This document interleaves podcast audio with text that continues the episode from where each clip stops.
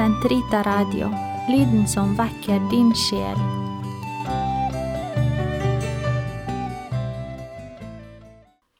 Den katolske kirkes katekisme, uke 19, mandag, paragraf 302 til 308. Gud virkeliggjør sin plan, Guds forsyn. Skaperverket er godt og fullkomment på sin måte, men er ikke sprunget fullt ferdig ut av Skaperens hender.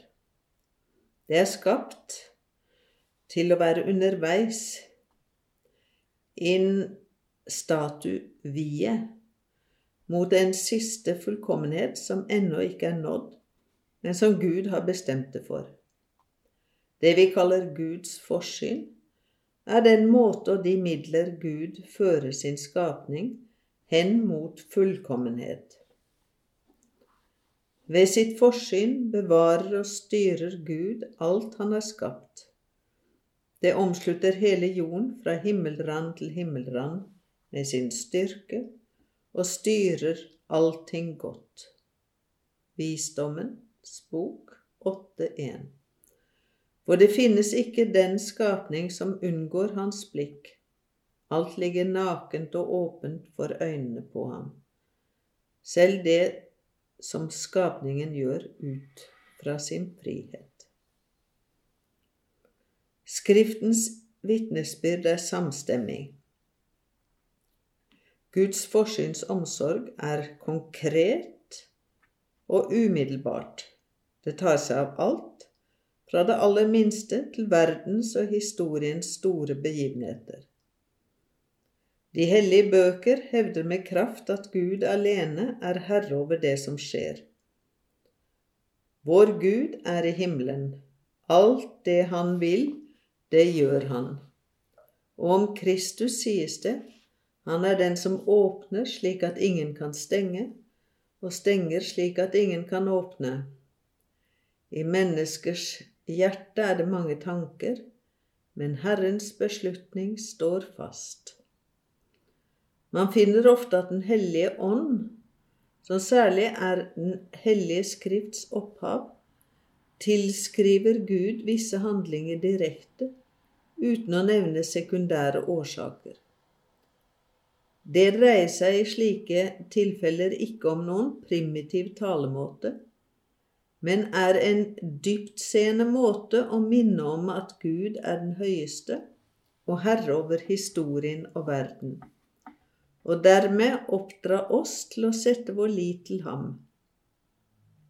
Salmene er den store læremester i slik tillit. Jesus oppfordrer oss til å overgi oss til Guds forsyn med barnlig tillit fordi han kommer våre minste behov i møte. Vær ikke bekymret, si ikke hvor skal vi få mat fra, eller hvor skal vi få drikke fra, eller hvordan skal vi skaffe oss klær? For dere har en far i himmelen som vet at dere trenger til alt slikt. Søk bare først Hans rike og Hans rettferd, så skal dere få alt det andre i, til, i tillegg. Forsyn og sekundære årsaker. Cause secunde. Gud er den uavhengige herre over sin egen frelsesplan. Men for å sette den ut i livet benytter han seg også av skapninger. Dette er ikke et svakhetstegn, men tvert imot et tegn på den allmektige Guds storhet og godhet. Gud gir nemlig ikke bare sine skapninger å være til, men gjør dem verdig til selv å handle, til selv å være årsak og opphav i forhold til hverandre, og på denne måten å samarbeide i fullbyrdelsen av Guds frelsesplan. Gud gir menneskene til og med mulighet til fritt å være en del av forsynet, siden han overgir dem ansvaret for å underlegge seg jorden og råde over den. Slik gir Gud mennesket mulighet til å virke innenfor et årsaksforhold, i frihet og med forstand, for å utfylle skaperverket og omforme det i samsvar med sitt eget og nestens beste.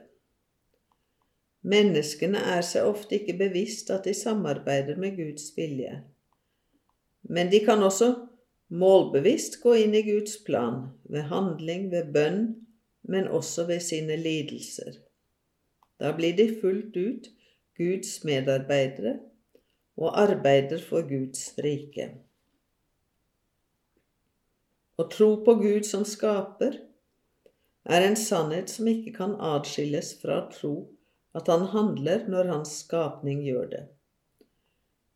Gud er den første årsak, causa prima, som virker i og gjennom sekundære årsaker, cause secunde.